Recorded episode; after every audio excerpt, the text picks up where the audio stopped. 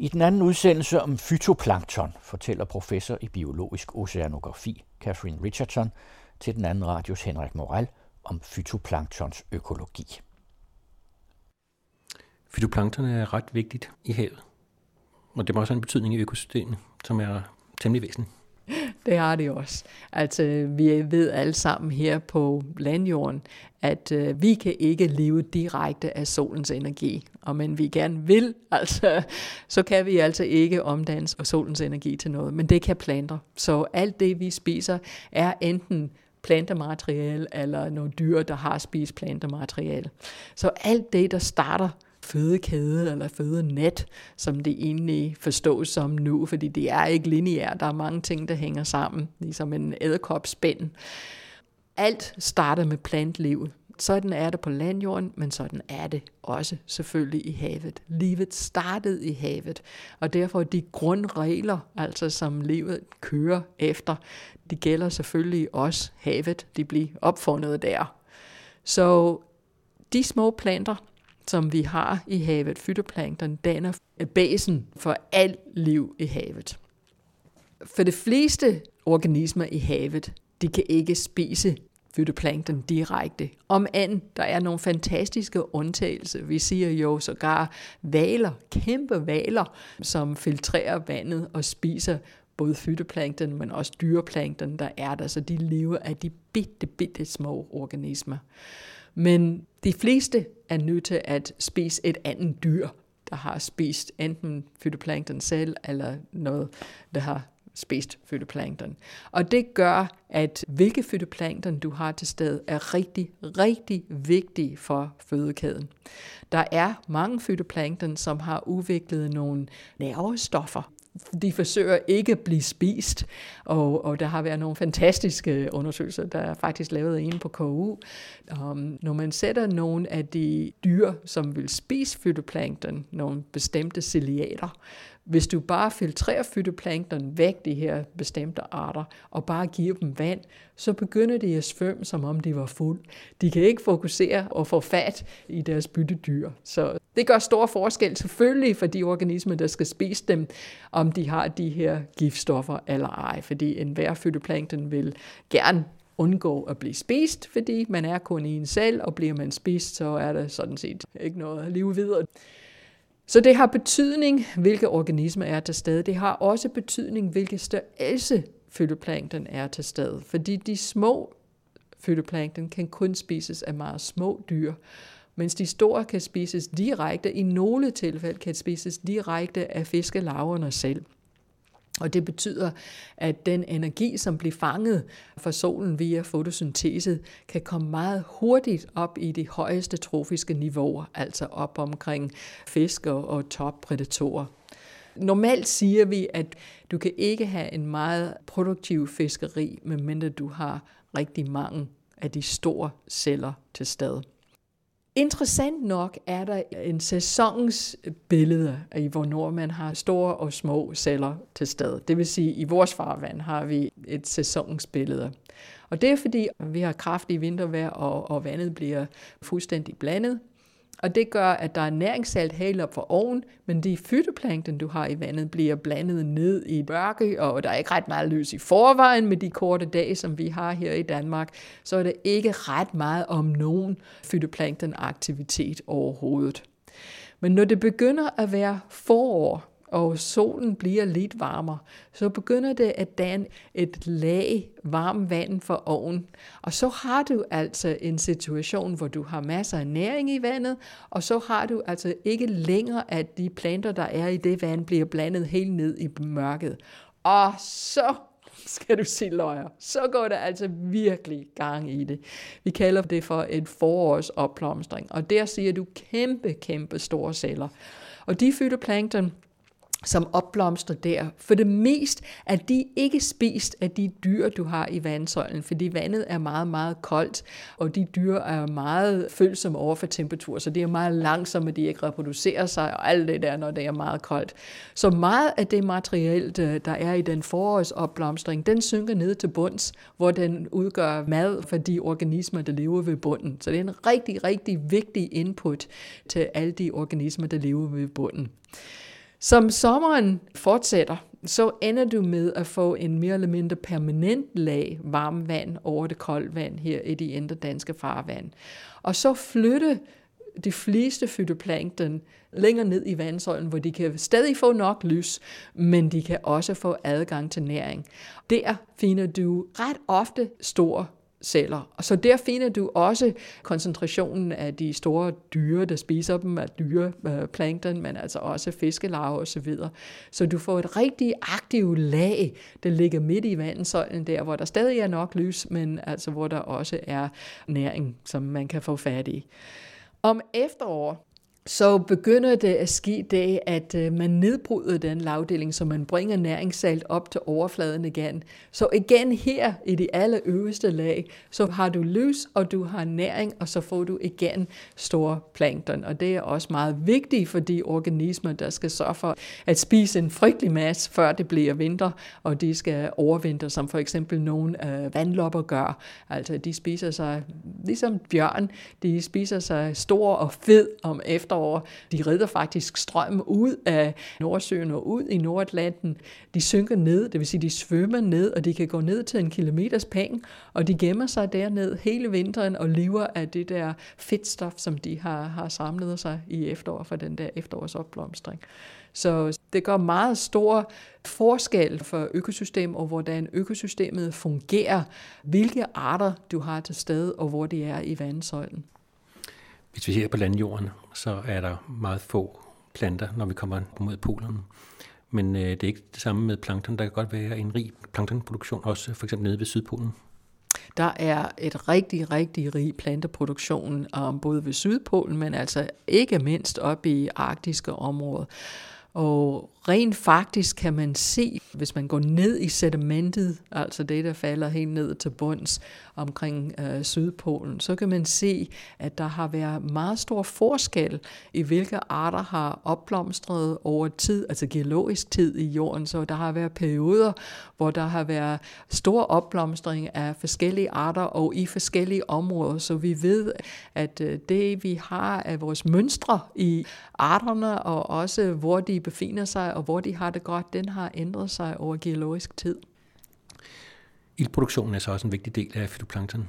Jamen det er klart, at alle organismer, der laver fotosyntese, de producerer ilt, og vi kan egentlig takke de planter, vi har, og det var først de planter i havet, vi kan takke dem for, at vi overhovedet har ilt i atmosfæren. Men selv i dag kan vi sige, at fytoplankton er en rigtig vigtig kilde til ilt i havet og i havets dyb.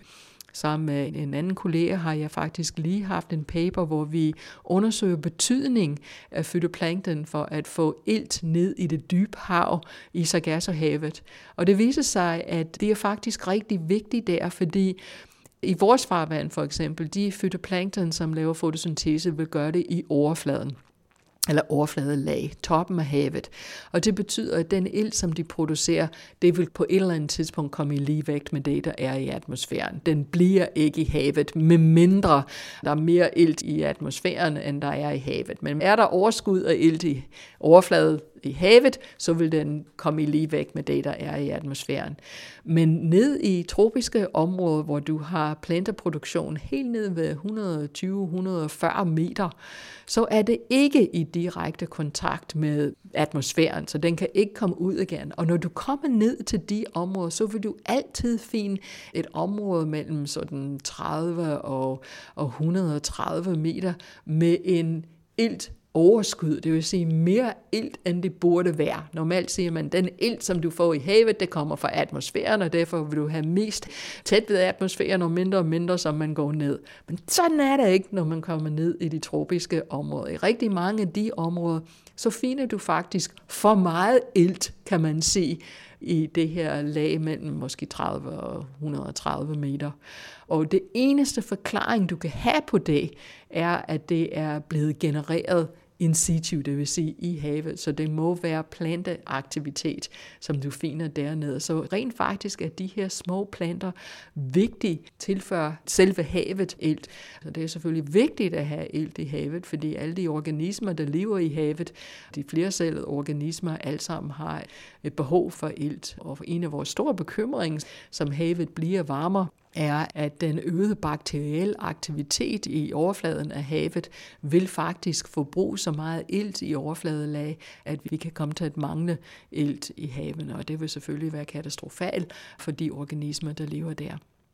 De resultater, I har fået fra Sargassohavet, hvordan laver man øh, de undersøgelser? ja, det er meget spændende. Altså for det første er man nødt til at finde et skib, der vil til Sargassohavet, og så har vi været så heldige, at både som en del af Galatia og så sidenhen, takket være en bevilling fra Carlsberg, har vi haft mulighed for at komme tilbage og undersøge videre. Og det, der var rigtig, rigtig spændende, da vi var der med Galatia, var, at normalt, når man tager på et skib, så er der, altså, jeg flytter bare mit laboratorium derud, så jeg kender dem alle sammen, der er derud, og jeg planlægger det hele. Og, altså, men Galatia var noget særligt, fordi vi havde mange forskellige projekter i gang. Så jeg var i gang i mit container, hvor jeg både måler på, hvor meget fotosyntese som de her fytoplankton laver, og det gør jeg faktisk ved en metode, der blev udviklet af en dansker, en der hedder Stimon Nielsen, som døde for nogle år siden nu, men han udviklede det på Galatea 2. Det var lige efter krigen, og så fandt han ud af, at øh, så kunne man altså bruge radioaktive stoffer også i fredstid, ved at hvis man hældte noget radioaktivt materiale eller kuldioxid ned i vandet, så kunne man altså da fytoplankton gøre det, de gør med lys og alt det der i den par timer eller et døgn, eller hvad man nu vil, og så kunne man filtrere dem ud og se, hvor meget radioaktivitet var blevet inkorporeret i dem. Og så kunne man for første gang måle på, hvor meget fotosyntese. Steven Nielsen publicerede den metode i 1952, og det er stadig den metode, som alle hele verden over bruger til at måle på fotosyntese.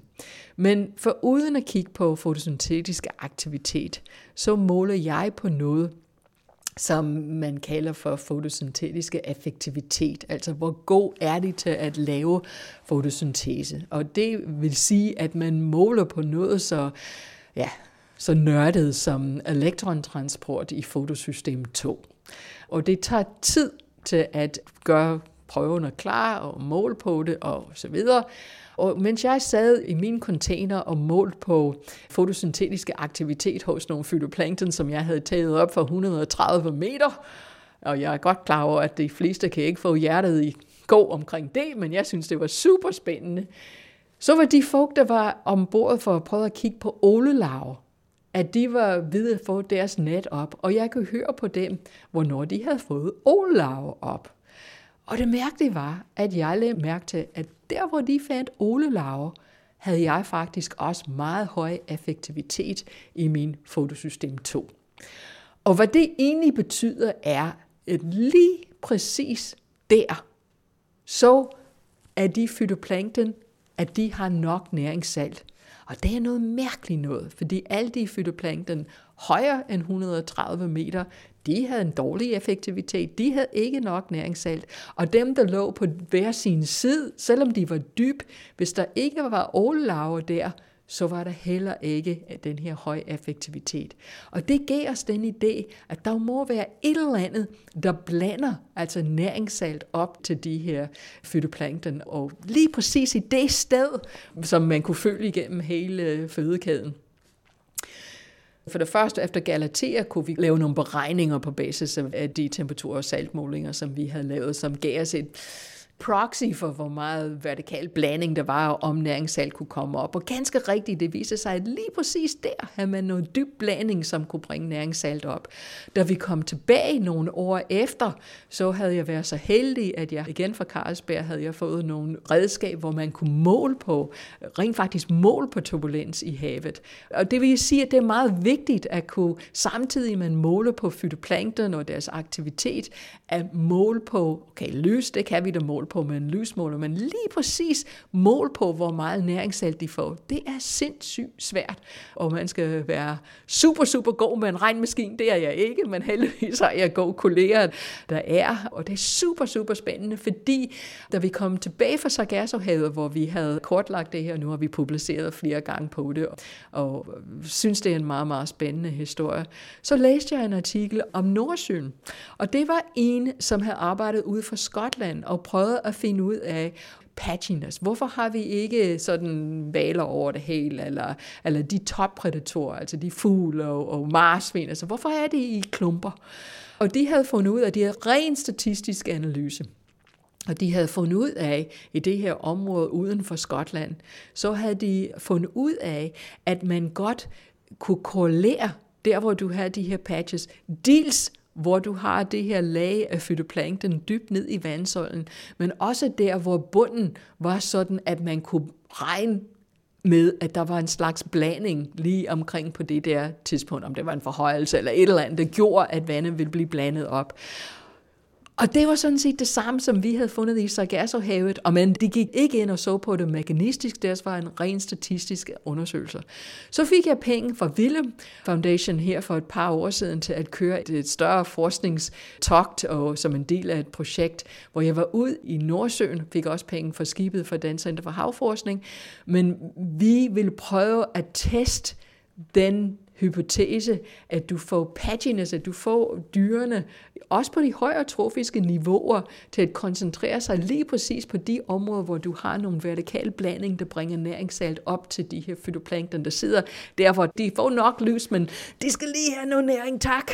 Og, øhm, og så havde vi et togt her for to år siden, altså resultaterne er lige ved at komme ud af regnmaskinen nu her, men hvor vi rent faktisk kigger på, den der betydning, der er for den vertikale blanding, for at man kan få fytoplanktonaktivitet, og hvilke betydning det har for resten af fødekæden omkring det, men også hvad de her forskellige vandmasser kan betyde for at holde populationer adskilt og at opretholde genetiske mangfoldighed. Så det er sådan set de data, som jeg ligger dybt, dybt, dybt begravet i øjeblikket, og det er super spændende. Når man har haft sådan en undersøgelse af fisk og tilbagegang af bestanden osv., så skulle man måske også gå endnu længere tilbage og se på, hvordan står det til med fytoplankton, hvordan står det til med deres øh, miljø. Man er så småt begyndt, fordi vi forstår ikke egentlig øh, biodiversiteten omkring det, men vi har en fantastisk god historie med en stor vandlop. En vandlop, der hedder Calinus finmarchicus. Vi ved, at dens tilstedeværelse er korreleret med torsk, og hvor mange torsk vi har. Fordi babytorsk elske det her vandlop, og de skal have den som en del af dens fødegrundlag. Og vi ved også, at den her vandlop er gået tilbage igennem de sidste årtier i Nordsøen. Og jeg var en del af en meget, meget, meget spændende undersøgelse sammen med en skot og nogen fra Tyskland for nu er der en del år siden. Vi havde ni togter i Nordsøen, og, og jeg synes, det var så god en hypotese, da vi startede, så kunne jeg ikke forstå, at andre ikke havde undersøgt det, men jeg kan hilse at se efter ni vintertogter med daner i Nordsøen, søn, så ved jeg, hvorfor andre ikke havde gjort det. Men grunden til, at vi skulle være derude om vinteren, var, at vi ved, at den her Calanus vindmarkicus, den er som guf. Altså hvis den er der, så bliver den spist. Så når den er inde i Nordsøen om sommeren, er der ikke noget problem, fordi der er nok for den til at ad, så den kan sagtens reproducere sig, og den kan holde sig foran alle de fiskelarver osv., som gerne vil spise den. Det er ikke tilfældet om vinteren. Der er ikke de fytoplankton, så den er nødt til at komme væk derfra. Så hvad gør den så? Den rider strømninger ud af Nordsøen, ud i Nordatlanten. Og så går den ned, den svømmer ned til cirka en kilometer, måske mere nogle steder, og den overvinter. Og så i modsætning til den art, som du og jeg kender bedst, i hvert fald min erfaring, så i stedet for at det er kvinden, der står op først og laver kaffe, så er det manden, der står op først. Og han svømmer op til cirka 200-300 meter. Og når han øh, er derop, så vågner hun og kommer op. Og de skal finde hinanden. Og det er altså godt nok svært, fordi de er på størrelse med en knappenålshoved. Og havet er stort, især når du kommer ud i Nordlanden, kan jeg hilse at sige. Men de finder hinanden, takker være, at han laver en slags dans, hvor han efterlader en kemiske strøm, det der, som honningbier laver, som alle så imponeret af. Jeg kan hilse at sige, det er ingenting i forhold til nogle af de dyr, vi har i havet. Men så laver de den der dans, og så de finder hinanden, og de gør det, som man nu gør, og så ligger hun cirka 100 æg. Og det er nu meget smart, fordi for at komme ind i Nordsøen, så skal de igen redde strømninger. Så det er meget smart at, at have dine gener pakket ind i 100 små pakker, i stedet for kun én, der skulle komme helt ind til Nordsøen. Men det viser sig, at det har været tilbagegang i de her organismer i Nordsøen, og det kunne vi faktisk korrelere til nogle ændringer, der havde været i vejrforhold og øh, NAO, altså den North Atlantic Oscillation, og, og hvor du har høj og lav, lavtrykszoner. Øh, så i hvert fald i forhold til fisk, altså torsk og kalanus, så vi kan godt spore nogle af de ændringer tilbage til dem. I princippet tror jeg også, vi kunne, kunne gå tilbage til fytoplankton, hvis vi forstod det bedre. Men der er meget, vi ikke forstår endnu. Ja, jeg bliver ikke arbejdsløs forløbig. Udsendelsen er tilrettelagt af Henrik Moral og er en del af serien Museer skaber viden. I næste udsendelse fortæller Catherine Richardson om fytoplankton og klimaændringer.